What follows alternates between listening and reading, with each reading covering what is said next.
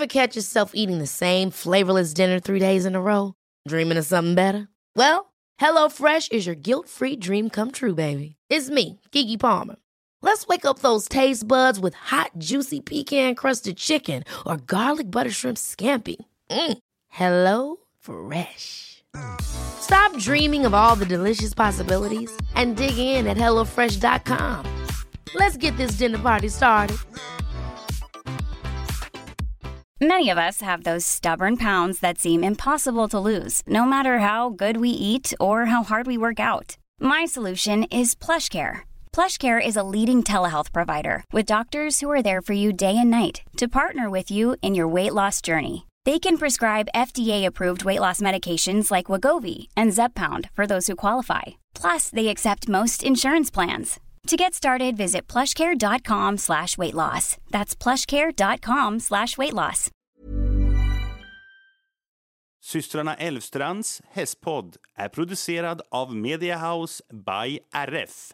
Hej allihopa och välkomna till avsnitt 54 av systrarna Elfstrands hästpodd med två coronasjuka systrar. Ja, vi sa ju i förra avsnittet att nej men det är säkert inte corona men eh, det visade ju provsvaren att jojomensan det var det visst. Ja, jag lät verkligen löjligt självsäker i förra avsnittet när du Ja. frågade mig ifall jag trodde att det var corona eller inte. Men dagen därpå då blev det positivt svar. Eller ja, jag testade ju positivt den dagen och du testade ju det också för Samuel han testade ju positivt först av oss alla. Ja men det gjorde han och jag hade ju egentligen inga symptom överhuvudtaget men så tänkte jag att ja, men eftersom vi bor ihop så måste jag ju såklart testa mig eftersom man har testat positivt.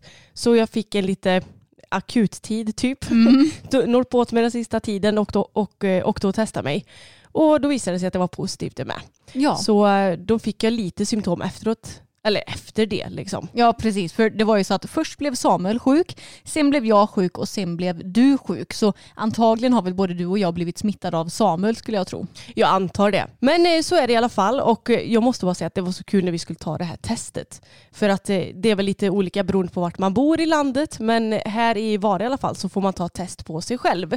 Så då får man liksom ett litet kit och så får man sätta sig i bilen eller åka hem och fixa det själv. Och det roligaste var först när jag skulle få mitt kit så stod den här mannen som delade ut prov och pratade med en annan man innan mig. Och den här mannen som skulle ta testet var, jag vet inte vart ifrån, men han pratade arabiska i alla fall för att han fick ett så här, testkit med arabiska och så förstår han nog inte så bra svenska. Och det roliga är, när man inte förstår varandra, varför pratar man högre? Gjorde de det? Ja, för den här, eh, alltså han mannen som lämnade ut proven, han bara Ja, och så måste du lämna provet innan klockan fyra. Så här stod och pratade ashögt. Men jag tänkte bara, men han fattar ju inte mer för att Nej. du pratar högre. Nej, it doesn't make any sense. Nej, men jag tror att han förstod vad han skulle göra i alla fall. Och då fick jag mitt lilla prov och så läste jag igenom hur man skulle göra och så blev jag så jätteskakig. För när det är sådana här grejer som jag verkligen behöver göra rätt på, då blir jag jättenervös. Superkonstigt. Först skulle man ta en tops och köra in i halsen, typ baksidan av halsen. Och så står det tills du nästan kräks. Jag bara, ah, jo tack. Kvällde tre gånger. Hoppades att det skulle vara tillräckligt. Sen så tänkte jag, ah, ja men nu ska jag stoppa upp den här samma tops i näsan. Det kommer ju bli lite enklare. Ja, men det var bara det att när jag tog ut den här topsen så var det blod på den. Jag kände bara, hur känslig är jag eller? Ja. Och sen så skulle man gigga runt lite i sitt spot. Mm. Så ja, men det gick ju ändå bra. Ja, och jag hade ju problemet för mitt typ största symptom under den här coronan det har ju varit att min näsa är så sjukt irriterande. Jag är jättetät, den är jättesnuvig och jag nyser hela tiden. Så så fort jag körde in den där topsen i näsan så nös ju jag. Så det var ju inte jättelätt att liksom få runt den och hålla på och gojsa runt bak i näsan heller för min del kan jag säga. Nej, och så stod det typ, försök att inte få med något, eh, ja, ursäkta, men ja, slem precis. Bara, ja, det är ju kanske inte så lätt för alla om man nu är sjuk när man tar provet. Nej, men eh, vi har ju haft ganska så olika symptom både du och jag och Samuel. Samuel han har ju haft jätte, jätteont i halsen främst va? Mm. Han hade till och med vita prickar i halsen så jag sa det, oj du kanske har eh, alltså en halsinfektion eller någonting trodde jag först. Men eh, det kanske kan bli så under corona också. Han känner ju inte någon smak eller lukt heller, vilket är ju skittråkigt för honom. Eh, vad har du haft? Ja men det har ju mest varit min irrit- irriterande näsa. Sen har jag också känt mig ja, lite allmänt seg och trött. Men sen vet jag inte om det beror på att jag typ knappt kan andas på grund av min näsa och då är det klart att då får ju kroppen arbeta på lite mer eller om det är för att vi har liksom tappat våra rutiner nu eller vad man ska säga. För jag blir ju trött även om jag är frisk och inte har några rutiner. Ja, och jag blir skittrött typ en söndag om man inte gör ett skit heller. Så att det kan ju vara därför med. Ja. Och jag har, alltså först fick jag typ ont i ryggen. Mm. Eh, Och i, lite i lungorna har jag väl fått. Men jag har haft lite ho- torrhosta också så det kan ju bero på det. Så jag vet inte riktigt. Jag har inte haft så jättemånga symptom mer än att jag hostat lite. Och nu hör ni kanske att jag är lite tät också.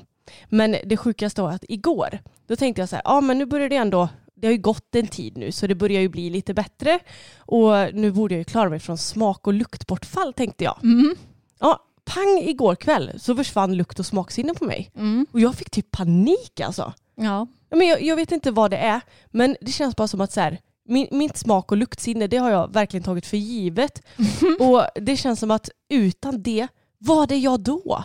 Ja, och jag tycker mest att det är roligt att du får sån panik för det. För jag är en sån människa som typ varje gång jag blir förkyld så försvinner mitt smak och luktsinne under en period. Kanske nödvändigtvis inte till 100 procent, men i alla fall till 50-60 procent. Och det har det gjort nu också. Mm, nej men eh, jag har aldrig varit med om att det, alltså det kan ju ha dämpats lite grann, men nu försvann verkligen allt. Ja. Jag, jag, jag liksom tog en parfym och sprayade och luktade direkt i, kände ingenting. Mm. Jag bara, men hallå, jag känner mig nästan lite berövad på min egen kropp. Jättekonstigt kanske, men jag vet inte, det kändes så himla märkligt bara. Ja, och då tänker man ju också på eh, han som var med i Uppdrag Mats video som Mm. inte hade något som helst smak eller luktsinne och inte hade haft det liksom sedan han var liten för att han var med om en olycka. Och då försvann allting. Det enda han kunde känna det var smaken av rucola, av allting som finns på Åh. den här jorden så ska man känna smaken av typ det äckligaste som finns.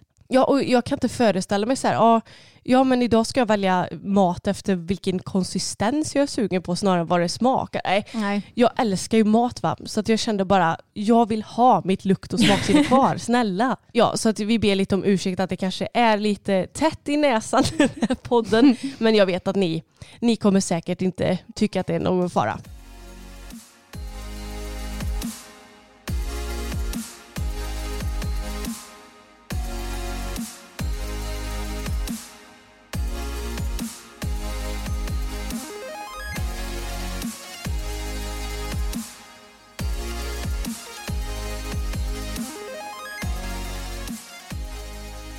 Men Anna, du har ju gått lite loco med internetshoppingen nu sen du fick ditt coronabesked.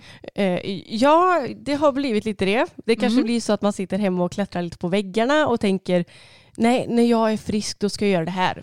Så jag har shoppat hårgrejer först och främst. Och bara det känns ju så random, som en sån random grej att beställa massa hårgrejer. Jag vet för jag bryr mig egentligen inte om mitt hår. Men jag är så jävla trött på mitt hår också. Jag är liksom en gråhårig, eh, jag vet inte. Mitt hår är tråkigt, tråkig längd, tråkig färg, lägger sig tråkigt. Alltså, jag, jag kände bara nej nu måste jag göra någonting åt det. Så jag har köpt hem alltså, massa nya produkter och en ny vad heter det, värmeborste va? Ja. Mm. Så nu ska jag testa att eh, styla mitt hår också någon dag. Mm. Så det ska bli jättekul. Vågar du säga vad du köpte, alltså hur mycket du spenderade på Lyko? Ja, det var 2600 spänn. Alltså det är helt sjukt! Jag Jag vet. det är helt galet! Jag vet och jag är liksom ingen hårmänniska. Men Nej. jag, å andra sidan så kände jag att alltså jag behövde ju nytt schampo och sånt också så jag passade Mm. på att köpa det med. Så det är inte bara så här, ja men jag köper väl en tång för typ eh, 2000 spänn. Det var Mm. inte bara så. Men ja, vi får se. Jag återkommer med om det blir bra resultat. men sen så köpte jag också, jag har sett eh, att det varit hypat med, alltså nu kommer jag inte ens ihåg vad den heter, L'Oreal va? Eh, någon puderfoundation som har Jaha, varit just det. superhypad. Mm. Och så såg jag att det var en som skrev nu har den kommit in på Kicks igen. Och jag bara nej men alltså jag måste prova. Ja. Den kostar 119 kronor så det var ju lite bättre pris. Jo. Mm. så jag köpte två stycken olika nyanser så nu ska jag testa en ny foundation. Oj, ja, ni hör ju Anna hon har skönhetsshoppat här nu under coronan. Ja, eh, eh, känner man sig kanske möjligen lite sliten när man är sjuk eller? Kanske är därför jag har köpt lite skönhetsgrejer. Men nu när vi varit lite sjuka, och så är det ju som alltid när vi är sjuka, så försöker vi att ta det såklart lugnt så att man kan återhämta kroppen lite grann och, och så. Men vi har ju ändå hållit igång våra hästar lite grann Mm. med typ longering och sådär. Men roligt nog så ville en kompis hjälpa oss med våra hästar både igår och idag nu när vi spelar in. Mm, och det är så kul för den här tjejen, hon började vi ju faktiskt rida tillsammans med när vi började rida på ridskolan när vi var små. Ja, för evigheternas Mm. evighet sen. Och det är så roligt också för att hon, eh, jag minns henne som ganska tillbakadragen och blyg och lite rädd för hästarna. Men det har ju gått ganska många år sedan dess. Ja. Hon har jobbat med hästar utomlands Mm. och sådär och hon är verkligen en helt annan ryttare idag. Och det är så kul för då kan man verkligen tillförlita sig på att hon eh, ja, men, tar hand om hästarna på ett väldigt bra sätt. Ja, precis. Och hon har ju ridit både Tage, Fokus och Bella. Och sen har vi även fått ridhjälp av hennes kollegor också som dels hängde med ut på en liten sväng i skogen häromdagen och sen så red en kollega Boppen idag också. Och det är så kul för när man lånar ut sina hästar så vill man ju alltid att de ska sköta sig bra. Och du vill ju känna dig lite stolt efteråt också om de har skött sig bra.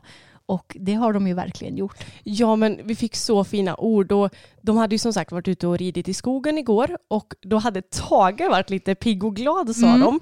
Men de hade fortfarande skött sig och det hade inte varit några konstigheter. Men idag i paddocken så hade våran kompis ridit Fokus och Tage och det var så himla roligt för att jag är ju lite nojig med Fokus. Det handlar inte om att det är någon sorts stolthet att bara jag ska rida honom utan det handlar ju om att ja, men han kan ju få sina ryck. Mm. Och jag vill inte vara, eller jag och jag, men jag vill inte vara orsaken till att någon åker av och skadar sig eller kanske inte får en trevlig ridtur eller sådär. Men det hade gått hur bra som helst.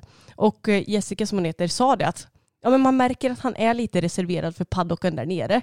Men att så fort jag fick honom mellan hand och skänkel så var det inga konstigheter. Mm. Och hon eh, sa att han hade varit jätterolig att rida. Mm. Så det kändes så jäkla gött att ja, men eh, han börjar väl ändå landa lite i sig själv att jag kan kasta upp någon annan. Mm. Inte vem som helst förstås, men ändå ja, men någon som har lite bättre koll. Ja men verkligen så det är ju superkul och som hon säger att när hon fick honom framme för skänken så var det inga problem. Och jag tror att det är det som är så viktigt för egentligen alla att tänka på som kanske har lite spända hästar. Att du verkligen får dem att gå framåt. För när du får dem att gå framåt och är framme för skänken då har de inte vad ska man säga, lika mycket tid på sig att hålla på och tänka efter läskiga grejer eh, i omgivningen eller vad det nu kan vara utan då är de ju mer fokuserade på dig.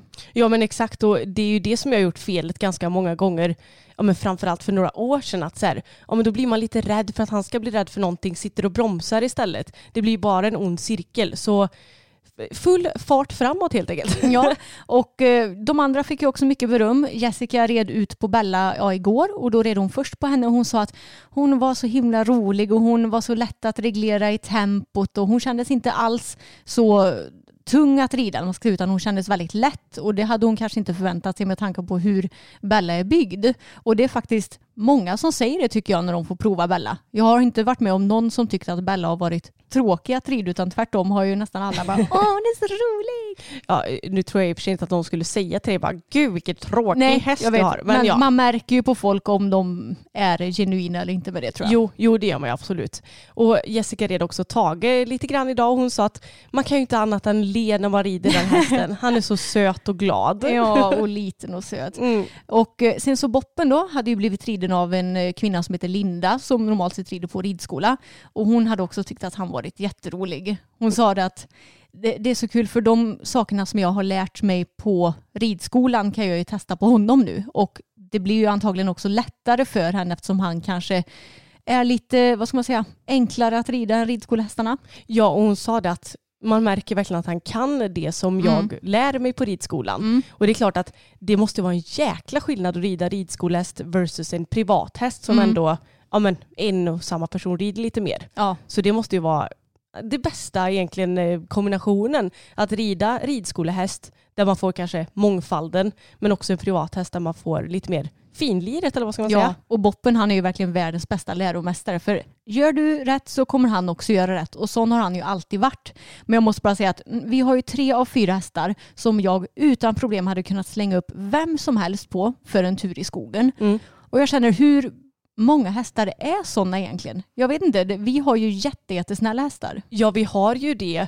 Och jag vet inte, det kanske är lite hur man är som ryttare också tänker jag. Nu Mm. menar inte jag att vi är alltså, bättre än någon annan. Men jag menar bara att du och jag är ju ganska obrydda om att det bara måste vara vi som rider våra hästar. Mm. Vi tycker att så länge ryttaren, alltså att vi anser att ryttaren rider okej och mjukt och sådär så kan vi kasta upp vem som helst på våra hästar och är inte rädda för det. Jag tror att många kan vara lite rädda för det och också kanske att det sätter sig lite i hästen. Jag vet inte, jag kanske tänker helt konstigt här nu. Men... Många kanske tror att sin häst är värre än vad den egentligen är. Ja. Det du menar? Ja, ja men lite så och att de kanske framförallt vill att hästen ska verka lite värre. Ja. Jag tyckte att det var mycket så när vi, alltså när bloggsvängen var som allra, allra störst. Mm. Att eh, det skulle visa sig som att den hästen var så himla svår och den här var så svår på det viset. Men jag tycker att det är mycket häftigare att så här, min häst är dödssnäll. Mm.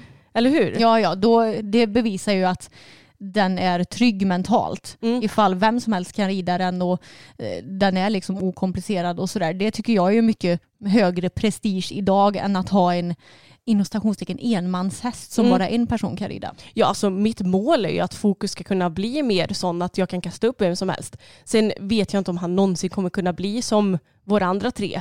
Mm. Men det är i alla fall, alltså det är klart att det är ett mål för mig också. Ja, men det tror jag absolut kommer kunna ske efter lite mer träning. Mm. Men överlag så har vi mest longerat, ridit väldigt lätta pass och jag tycker att det är väldigt, väldigt viktigt när man är sjuk att man verkligen lyssnar på sin kropp och det är ju viktigt att man inte anstränger för mycket för att ja, men det kan ju ske en massa konstigheter i kroppen som man inte vill vara med om.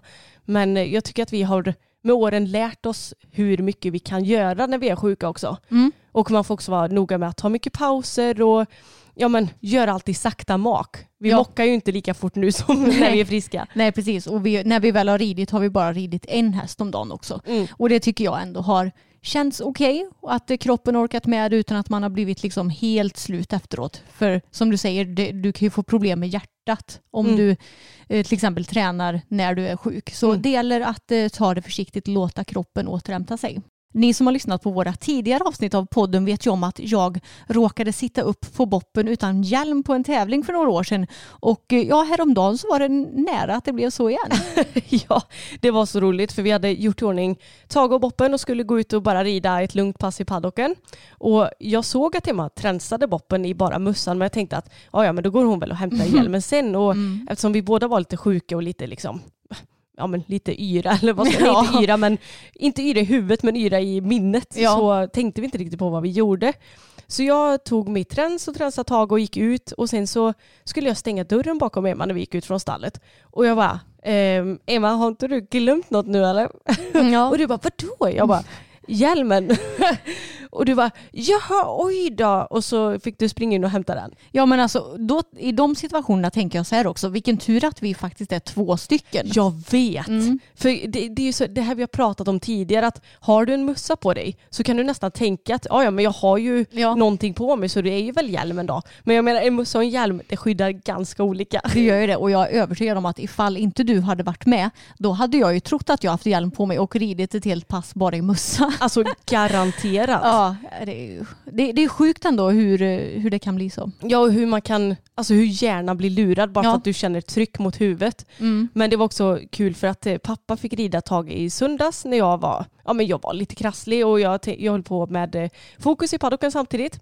Så kom han ut med Tage och jag kan ju inte vara tyst när pappa rider. Så jag, jag tänkte att ja, men han vill säkert ha lite hjälp också för jag vet att han uppskattar det. Så då höll jag väl lite granna lektion för honom.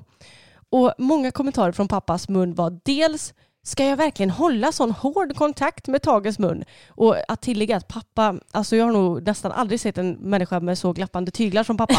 och nu menar inte jag att vara så här, eh, pappa har så glappande tygel. Det är väl bättre att det är det än åt andra hållet, att han Jo. är för hård såklart. Men jag försöker att få honom att inse att du måste ha en kontakt i tygen för att kunna få drivningen bakifrån för att kunna fånga upp i handen. Som jag pratat om förut, det här Mm. hjulet som Ja. snurrar. Eh, Men när, jag sa till honom att ta det här taget så blev han så här, oj så mycket. Men det blev faktiskt mycket bättre efter det. Mm. Även om hans tygel glappar lite fortfarande. Ja. Men det kommer nog med lite mer träning. Ja, och det var så kul för när han hade ridit klart så kom han in till huset där jag var och så berättade han om dagens ridpass och att det hade gått så himla bra. Och pappas standardmening när du har hjälpt honom från marken med Tage det är att "Åh, det går alltid så bra när Anna är med när jag rider Tage. För Tage han har sån respekt för henne.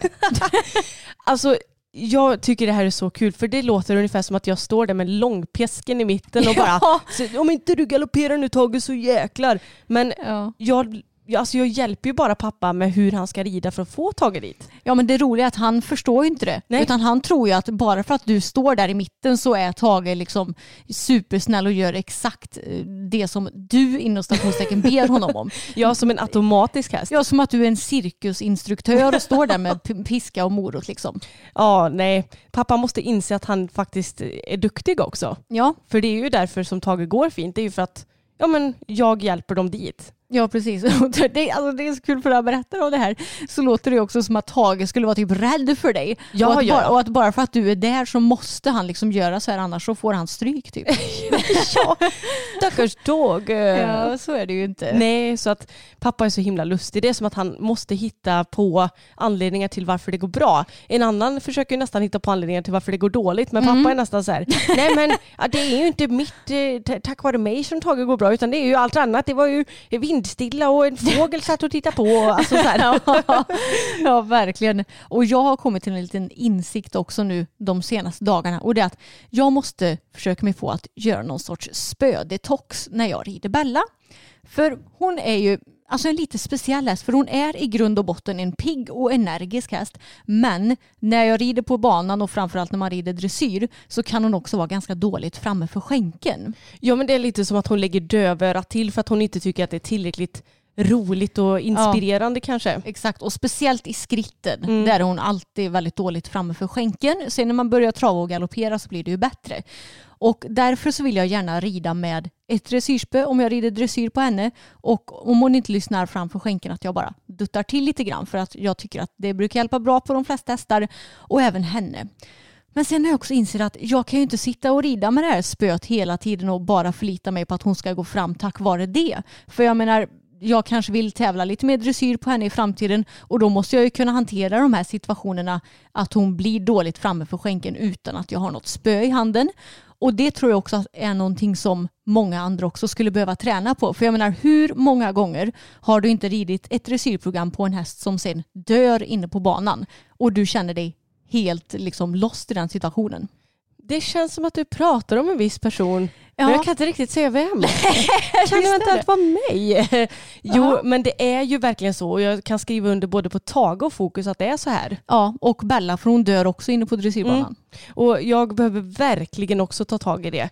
Men jag tycker att det är extra svårt med Fokus som i grund och botten är en mycket mer spänd häst. För att jag upplever att alltså Bella hon stänger av lite för att hon tycker det är lite bla bla, Ja, lite tråkigt. precis. Men han är ju sån här, jag kommer dö för det sitter en fågel där borta. Då, Mm. då känner jag att kontakten blir liksom inte riktigt där. Och då hjälper det mig extra mycket om man inte lyssnar framför skänken att ta till spöet. För då är det som att, ja men du vet, det blir liksom ett litet avbrott Mm. i hans tankebubbla. Ja, Och som sagt, vi använder ju absolut inte spöet hårt utan det är verkligen bara ett litet pet för att de ska väckas till eller vad ska man säga. Mm.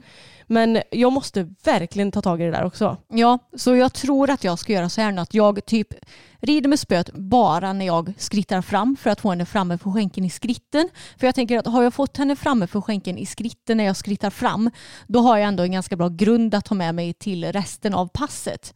För eh, ja, nej, jag, jag provade ju att inte rida med spö överhuvudtaget ett pass. Och då var hon väldigt dålig framme för skänken i början tills jag blev typ lite irriterad.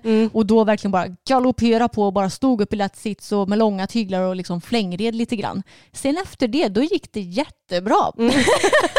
Så ibland behöver man faktiskt fulrida lite för att faktiskt eh, ja, men både få hästen framme för skänken och få till den känslan som du vill ha efteråt. Ja, och jag tror lite för ens egen skull också att om du blir, li- om hästen blir lite bakom skänkel och du sitter och kämpar på och man sitter kvar i sig nedsutten trav eller någonting.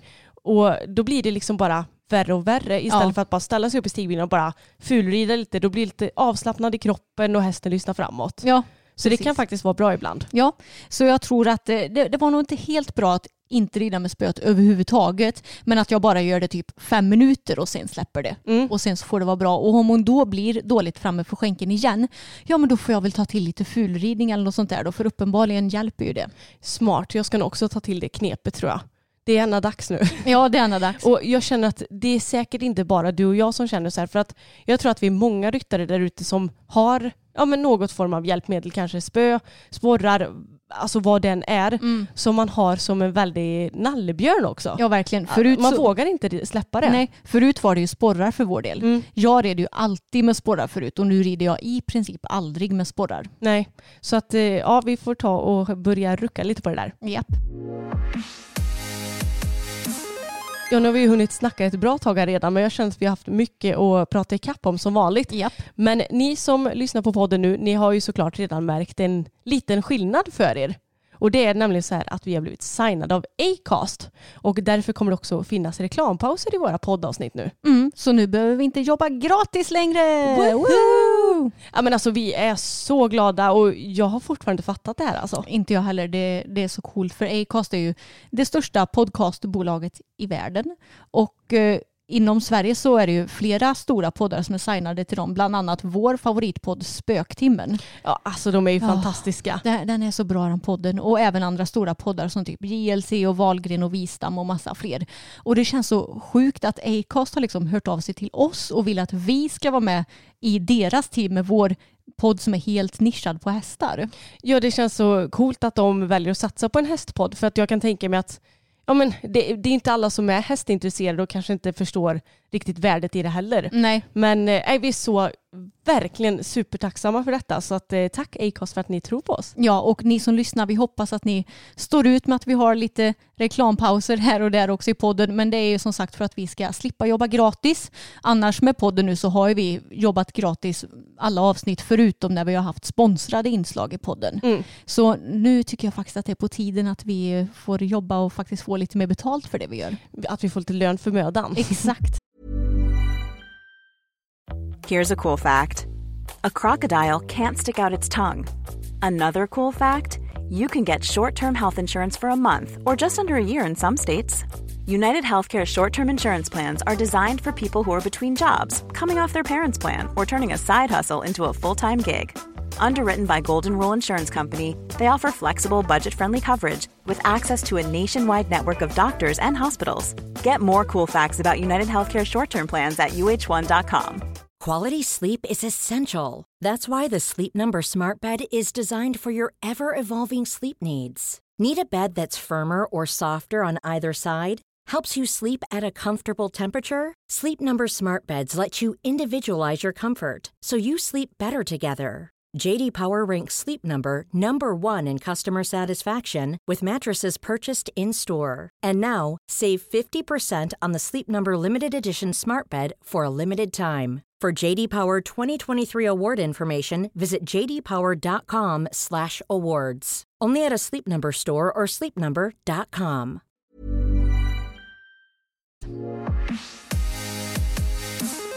Ni som lyssnar på vår podd, ni vet ju vid det här laget om att vi brinner ju verkligen för hästar och hästhållning mer än vad vi brinner för själva sporten och hästverksamheter eller vad man ska säga.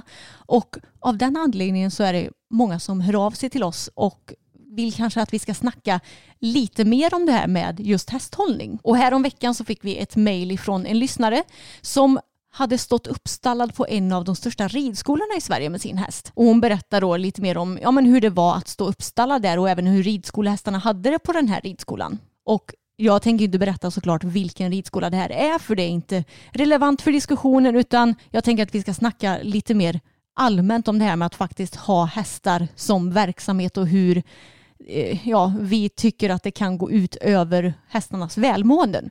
För jag vet att på den här anläggningen så hade de över 100 hästar. Så det är en väldigt stor anläggning som du kan förstå. Oh Jesus. Väldigt stor. Men enligt vår lyssnare så gick hästarna, både ridskolehästarna och privathästarna i väldigt, väldigt små hagar. Och eh, jag var ju lite nyfiken på att, vad ska man säga, kontrollera källan på det här. Så jag gick faktiskt in på Eniro och gjorde lite egna mätningar på anläggningen. För eh, om du går in på Eniro så kan du ju se typ hagar till exempel. Om du går in på, jag tror det kallas flygplansläge kanske, eller Ja, flygplansfoto. flygplansvy. Mm. Ja, flygplansvy, precis. Och då är det väldigt intressant för då kan du ju se precis hur olika anläggningar ser ut och du kan även liksom mäta upp hur, dels hur långa vissa sträckor är och även eh, vad heter det, kvadratmeter Mm. på till exempel hagar eller vad det nu än må vara. Shit vad, vad härligt nördigt det här lät det va? Ja, men jag tycker ju om att nörda ner mig lite så det har jag gjort nu. Mm. Och enligt mätningarna som jag gjorde samtidigt med den informationen som jag fick ifrån ridskolans hemsida över hur många hästar som stod på anläggningen så räknade jag ut att eh, i snitt så fick varje häst 73 kvadratmeter hage.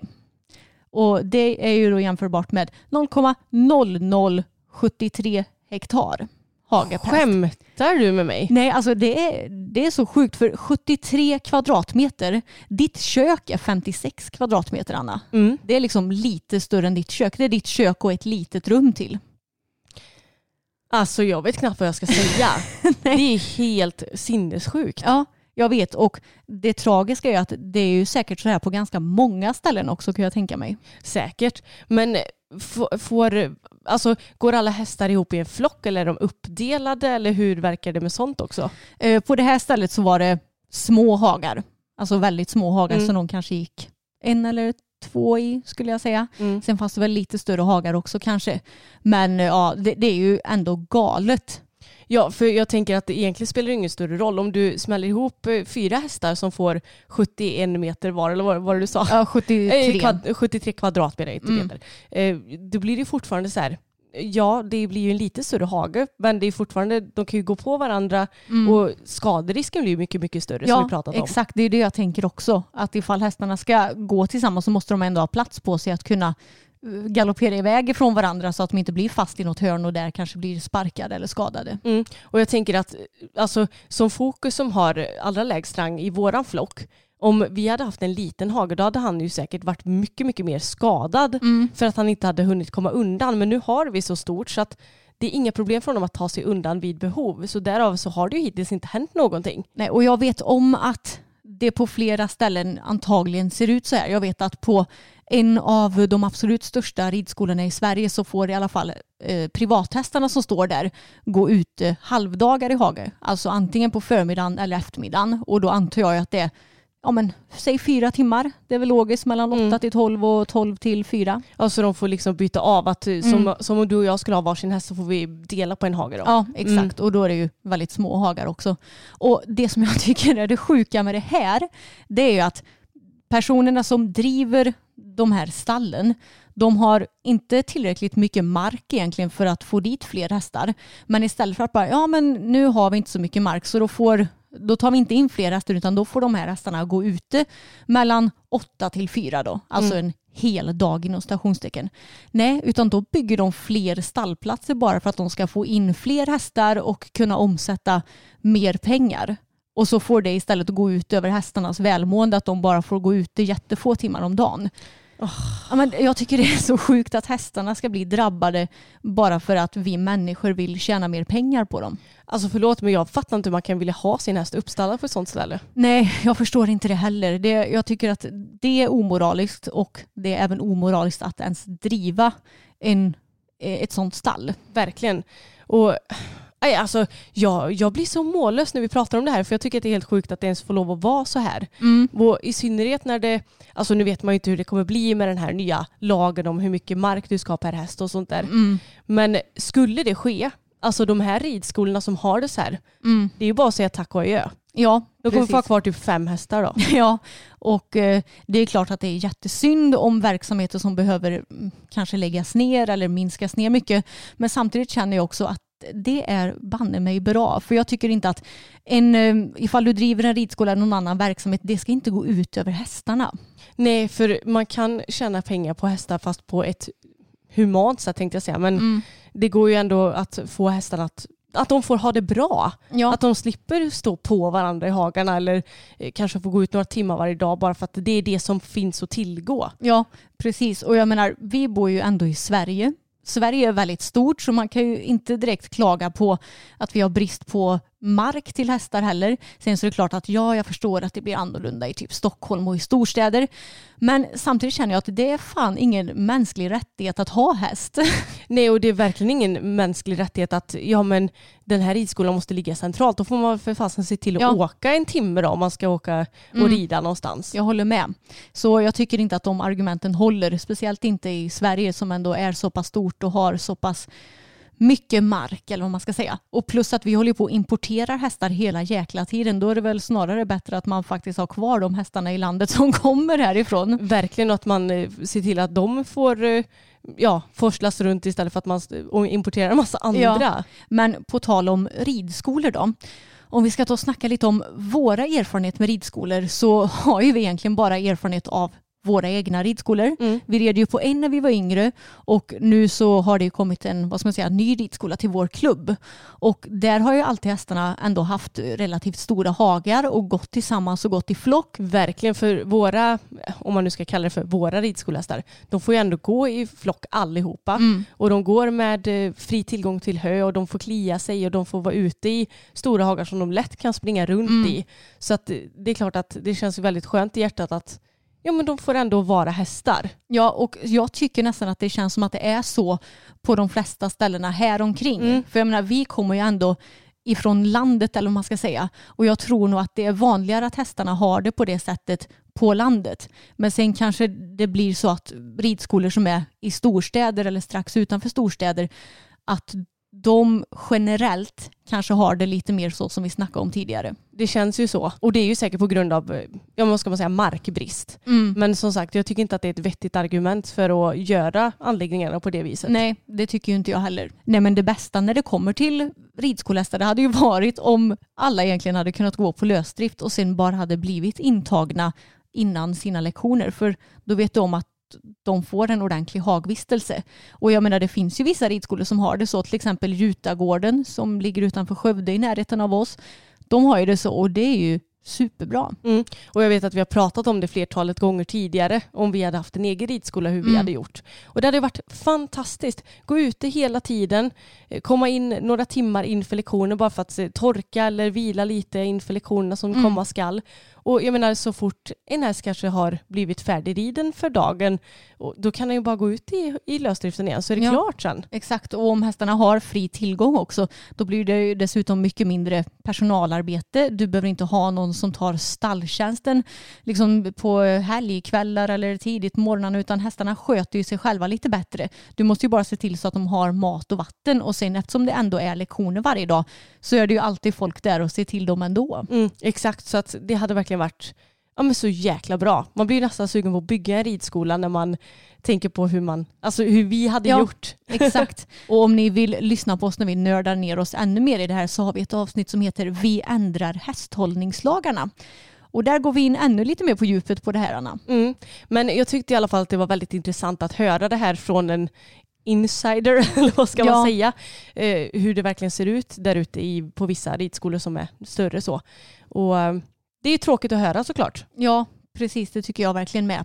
Vi får hoppas att det kanske kommer lite lagar i framtiden som kan göra att det faktiskt blir en förändring för de här stora ridklubbarna, ridskolorna, verksamheterna så att de kan bedrivas på ett mer hästvänligt sätt. Vi har ju tjötat en del om Facebook-kärringar i tidigare poddavsnitt och ni vet ju vad jag tycker om dem redan. De personerna alltså som kommer med oönskade tips och råd när folk lägger upp bilder och filmer i diverse Facebookgrupper. Men häromdagen när jag var inne och kikade lite på Facebook så såg jag att det var en tjej som hade lagt ut, jag tror det bara var lite filmer, kanske någon bild också, i en grupp och bad om tips och liksom, ja vad ska man säga, inte kritik men att hon ville att folk skulle berätta vad de tyckte om hennes ridning och vad hon kunde göra bättre. Och då tänkte jag för det första, det där måste ju vara Facebook-kärringarnas dröminlägg. Ja. Och sen tänkte jag också att herregud vad modiga de här människorna är som gör det, som bara kastar sig ut till massa okända vargar. Ja men alltså de här Facebook-kärringarna, de, de är ju verkligen som hungriga vargar som bara väntar på att få köttet kastat. Och nu kom det ju en redig köttbit här.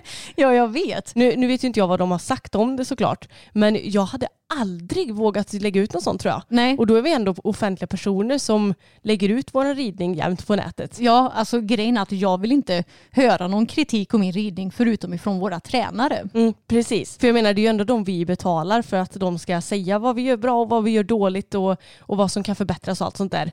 Så det är ju helt onödigt att man som en okänd person bara ska komma och säga att ah, men tänk på att eh, ta upp din blick lite grann. Ja. Men nu, nu skrev hon ju verkligen att hon ville ha kritik så får hoppas att hon var mentalt förberedd på det också. Ja. Hon kanske tänkte att hon skulle spara lite pengar. Alltså att hon tränar för Facebook-tränare istället för någon som hon faktiskt måste betala. Smart, det jag kanske är det nya här framöver. Ja, precis. Facebook-tränare. Det kommer till slut bli så att det blir en betalgrupp. Alla som, alla som Ja. vill ha lite kritik får betala en hundring. Ja, men jag tycker också det är lite kul att be om hjälp från så pass många människor. För jag menar, alla ser väl antagligen olika grejer på den här filmen och de som tittar de har ju säkert väldigt varierande kunskaper själva. Jag vet att många gånger så kan det säkert vara så att du är du kanske inte riktigt är så duktig som du tror att du är. Sen finns det tvärtom vissa som är duktigare än vad de tror att du är.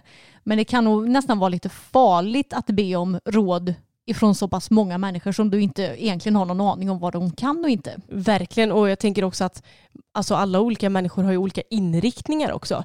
Jag menar, du och jag, vi rider ju mestadels dressyr och hoppning, men det finns ju västernryttare som ändå kan ha sitt att säga om dressyr, alltså vanlig dressyrridning. Och det finns ju mängder med människor. Ja, Ja, jösses, jag hoppas att hon fick ut något bra av Ja. det hela. men det är nog inte så vanligt ändå att du gör det här tror jag. Nej, det tror inte jag heller. Jag har sett det några gånger. Men det måste ju som sagt i så fall vara personer som är trygga i sig själva. Men samtidigt så vet jag att när jag har sett det här fenomenet vissa gånger, då har nästan personer som har liksom ja, men, lagt upp filmerna blivit lite kränkt när någon har svarat si och så. Eller att den ska försvara sig.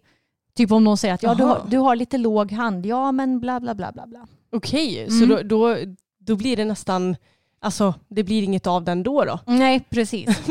Vad märkligt, för har man ändå bett om kritik då får man väl vara beredd på att få kritik också? Ja, jag tänker det med. Men eh, vi kan väl sammanfatta det här som att det bästa är nog att du faktiskt tar hjälp av en eh, vettig tränare som du litar på istället för att förlita dig på hundratals andra människors åsikter. Ja, verkligen. Jag måste säga det att det här året har ju hittills inte riktigt imponerat på mig. Mm. Dels så har fokus varit halt. Sen blev ju Tage halt en liten sväng. Och sen när de väl blev igång båda två ordentligt så blev jag sjuk. Så jag känner att just nu känns det som att jag bara står och stampar. Corona är här och det känns som att eh, den här pandemin bara är så fruktansvärt långdragen och man vill bara ut och tävla och hitta på massa roliga grejer, träffa kompisar och gud vet vad. Men jag tycker att det är väldigt viktigt att tänka på vad man faktiskt är tacksam över också när man har lite dåliga perioder. För jag är så här, det är ju inte ett dåligt år bara för att det har börjat dåligt. Nej. Det är bara en dålig period. Men eh, alltså jag är så jäkla tacksam över framförallt en grej Emma. Vad? Det är att det börjar bli så mycket ljusare ute. Ja, just det. Ja, det är sant. Alltså det är underbart. När jag åker hem från jobbet det är fortfarande ljust. Det blir till och med ljust, eller det, det är till och med ljust en stund efter att jag kommer hem. Mm. Det jag bara, vad händer? Det är inte vint, alltså supermörka decembermånader längre. Nej, alltså jag tycker att det är så kul för på sommaren då är du så van vid att det är ljust ute så då tar du det för givet. Och sen så fort det börjar bli så här mörkt ute när det går från sommartid till vintertid då är det så här men gud, kommer det verkligen kunna bli mörkare ute nu? Ja. Man glömmer bort varje år att det blir ljusare och att det blir mörkare. Ja men hur fort kan man glömma bort eller? Mm. Jag menar vi har ändå levt i typ 30 år nu. Jag vet. Vi borde ju förstå det tycker jag. Japp. Och en annan grej som jag är tacksam över, kan du gissa vad det är? Mm. Det har också med vädret att göra. Jaha, har de, ja, att det ska bli plusgrader. Ja, och Ja. nu när det här avsnittet är släppt så är det ju plusgrader ute. Ja, Om inte någonting har hänt. Ja precis. drastiskt. Om inte yr och bara nej, jag skojar bara. Jag Ja. menar 17 minus. nej, men det, det ska bli ganska många plusgrader dessutom. Mhm. Så att vi hoppas att det smälter undan mycket och att det torkar upp och att det kan bli lite vårigt nu. Jag vet att det är tidigt att önska redan i februari, men vi älskar ju våren du och jag. Det gör vi. Jag är fett taggad på våren. Även om jag också haft lite segt start nu på året så tror jag att våren kommer att bli bra. Det tror jag med. Och det roliga är att jag kände verkligen ett litet pirr i magen när jag såg att det kom plusgrader. Mm. Jag bara, åh nu är våren på gång. Nej, man kanske inte ska jinxa, men i alla fall plusgrader på gång.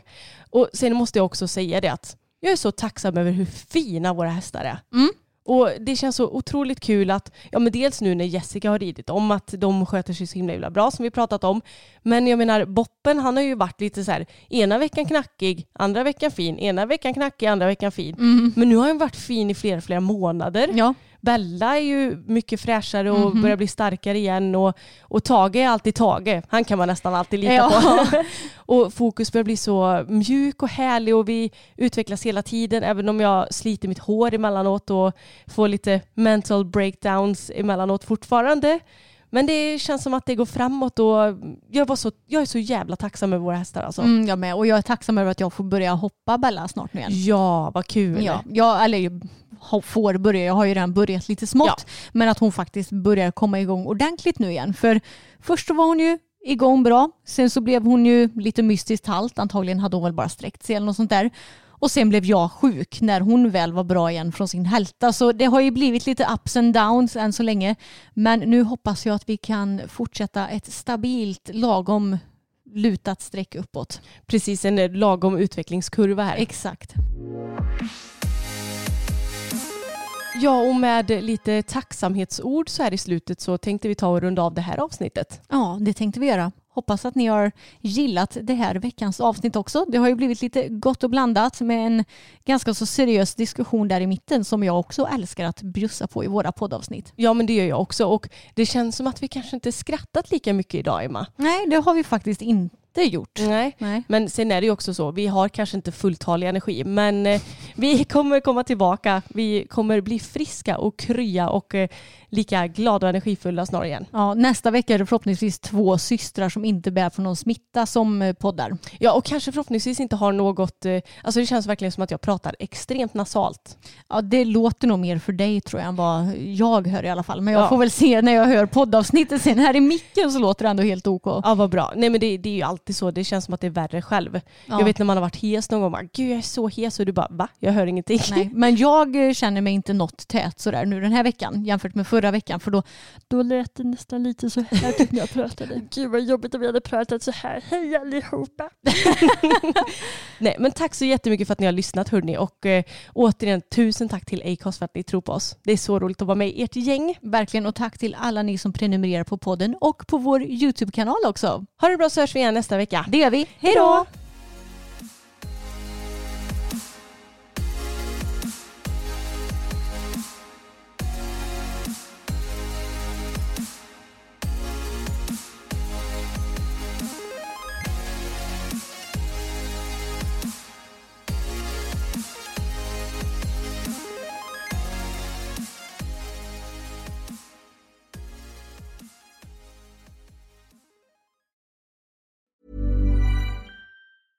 Ever catch yourself eating the same flavorless dinner three days in a row?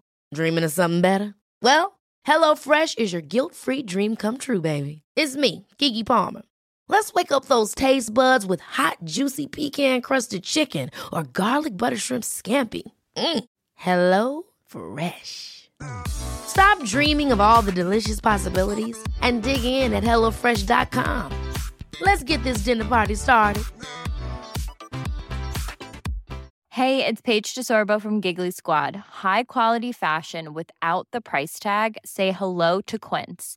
I'm snagging high-end essentials like cozy cashmere sweaters, sleek leather jackets, fine jewelry, and so much more. With Quince being 50 to 80% less than similar brands.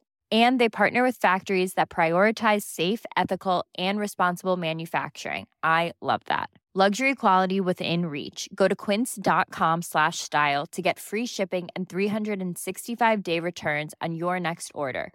Quince.com slash style.